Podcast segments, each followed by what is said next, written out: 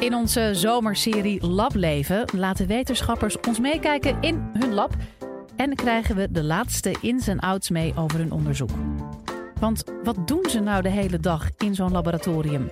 Mijn collega Dorien Rozing trok een paar laarzen aan, nam een schepnet mee en stapte in de slootjes van ecotoxicoloog Martina Vijver om onderzoek naar bodem- en grondwatervervuiling te doen. Lableven van de Universiteit van Nederland.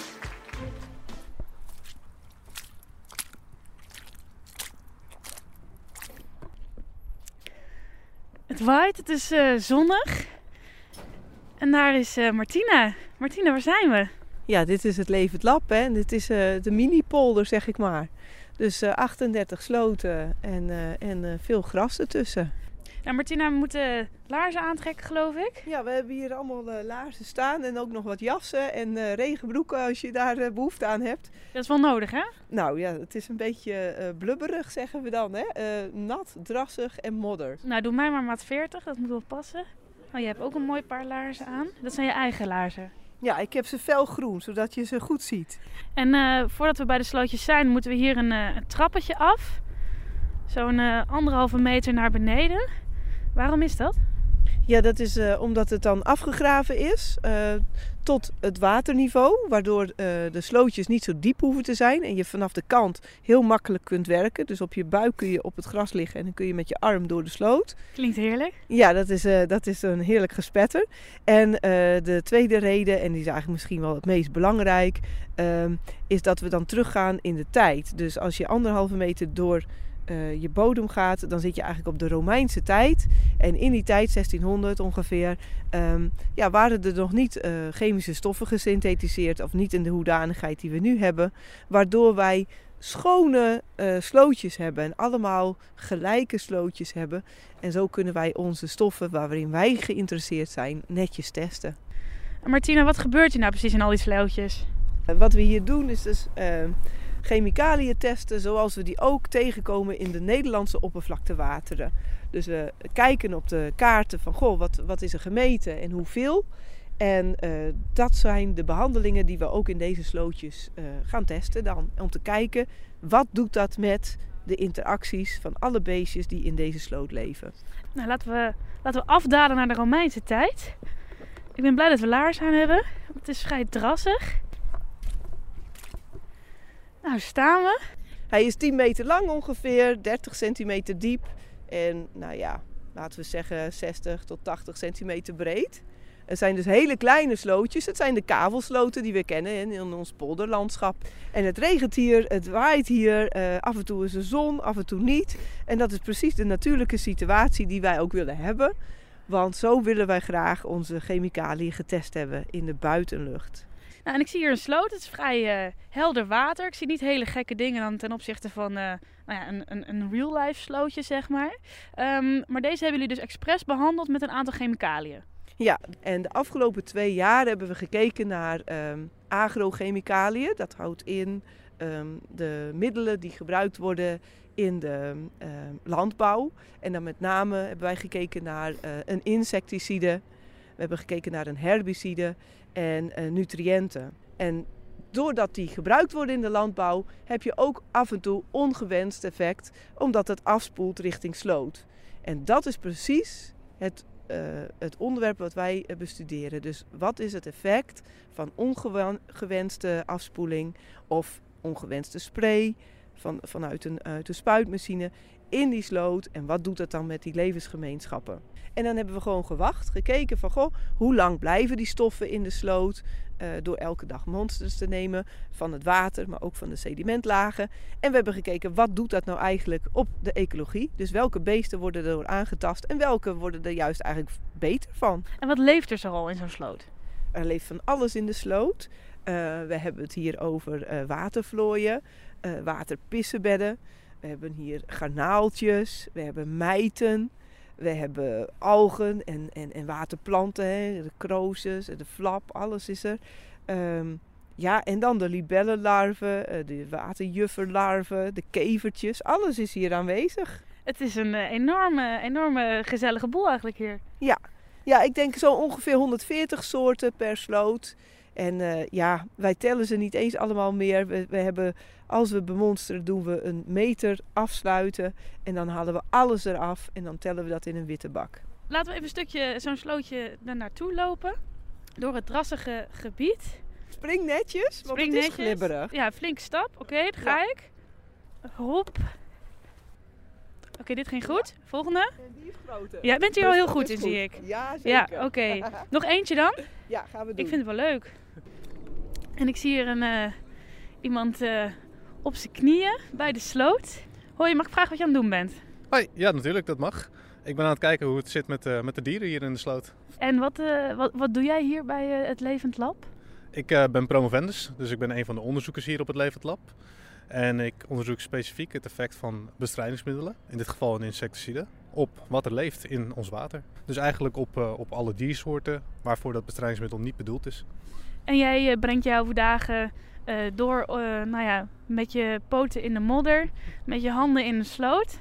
Ja, precies. Eigenlijk zoals een bioloog dat graag heeft. Ontzettend vies. En eh, ja, constant onder de modder. En met je handen in de dieren. Gewoon maar kijken welke diersoorten zitten hier en hoeveel heb ik van die diersoorten. Want ik zie hier ook een schepnet liggen. Eh, wat, eh, wat ga je daarmee doen? Ja, nou, dit is ons voornaamste wapen, ons wetenschappelijke apparaat. En hiermee vangen we gewoon simpelweg alle dieren en ook de planten overigens die leven hier in de sloot. En dat moet met een schepnet, want ja, hoe anders? Eigenlijk zoals we dat heel vroeger al deden. En die komen dan uiteindelijk onder de microscoop te liggen. Ja, die komen uiteindelijk onder de microscoop te liggen. Eh, daarvoor moeten we dus eerst alle dieren vangen. Dan worden ze in een witte bak geplaatst. En dan halen we met de hand, met eh, speciale pincetten, halen we al die dieren één voor één eruit. En dan komen ze langs in kleine peterschaaltjes onder de microscoop. En dan eh, stellen we vast welke soort het is. En daarna gaan ze gewoon weer terug de sloot in. En daarmee kunnen jullie dan zien wat het effect is van die pesticiden op die verschillende soorten.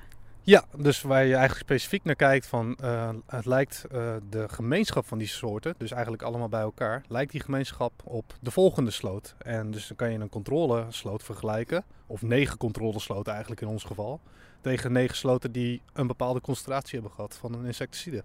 Precies, dus laten we maar even gaan, eh, gaan schepnetten dan. Kijken hoor. Daar gaat hij.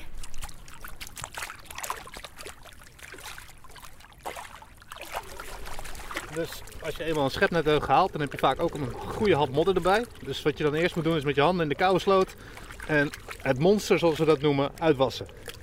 Dat ben je nu aan het doen. Ja. Heb je vaak gedaan zo te zien?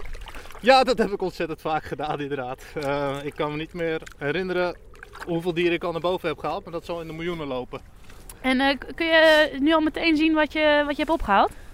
Ik zie eh, meteen wat dit zijn. Dus hier zien we bijvoorbeeld een, waterpissebedje. Hè. Dat is eigenlijk de soort die je zou verwachten als je zo over de bodem gaat.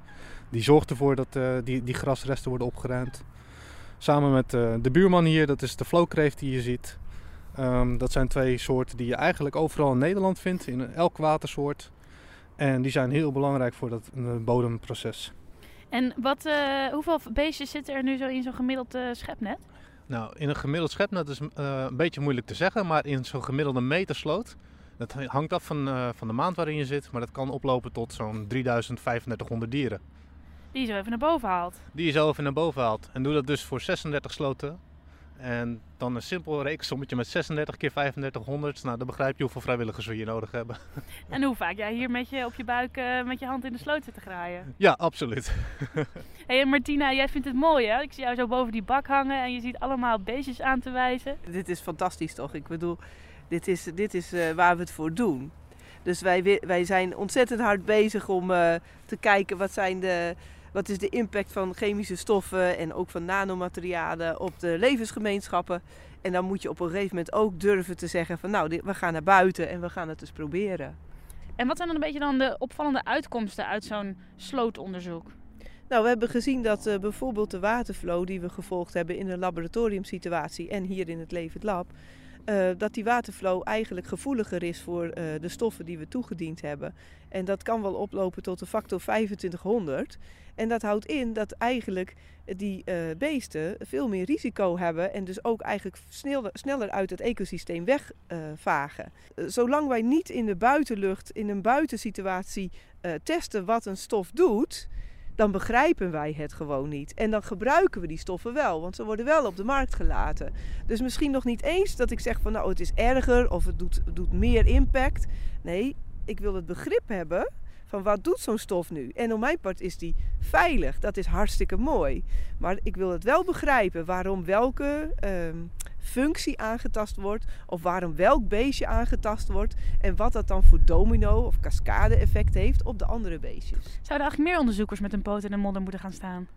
Ja, lijkt me leuk. Ik denk dat het, uh, dat het een hele goede zaak zou zijn. Maar je moet wel ook het laboratorium behouden. Want wat ik zeg, in een laboratorium kun je snel screenen. En kun je heel snel tot een besluit komen van deze is meer, uh, uh, meer risicovol dan die. En deze is hartstikke veilig. Terwijl als je dit voor alle stoffen in zo'n buitenlab zou moeten doen, dan gaat het niet lukken. Want dat duurt te lang. Dus het laboratorium is daarvoor de screening en voor eigenlijk de oorzaak-gevolg zo snel mogelijk in kaart te brengen. En vervolgens moet je naar buiten om te kijken wat is dan milieurelevant. En voor alle mensen die nou toch uh, naar buiten willen met hun lab, heb je dan nog één tip? Iets over kleding, regelaars? nou, je moet wel een buitenmens zijn, want dat is, uh, dat is wel een vereiste. Het is hier uh, mooi op het moment omdat de zon schijnt, maar het is hier niet altijd even zonnig.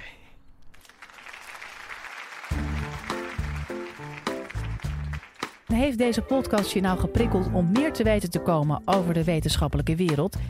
Maak je borst dan maar nat, want de Universiteit van Nederland komt met een nieuwe podcast genaamd Lableven. Deze zomer reizen we door heel het land om 14 unieke laboratoria van 14 verschillende universiteiten te bezoeken. Iedere woensdag hoor je de ins en outs van wat er speelt in het lab. Maar ook wie de wetenschapper achter het onderzoek is. Want wetenschappers zijn tenslotte ook maar gewoon mensen. We luisteren nu onze nieuwe podcast Lab Leven.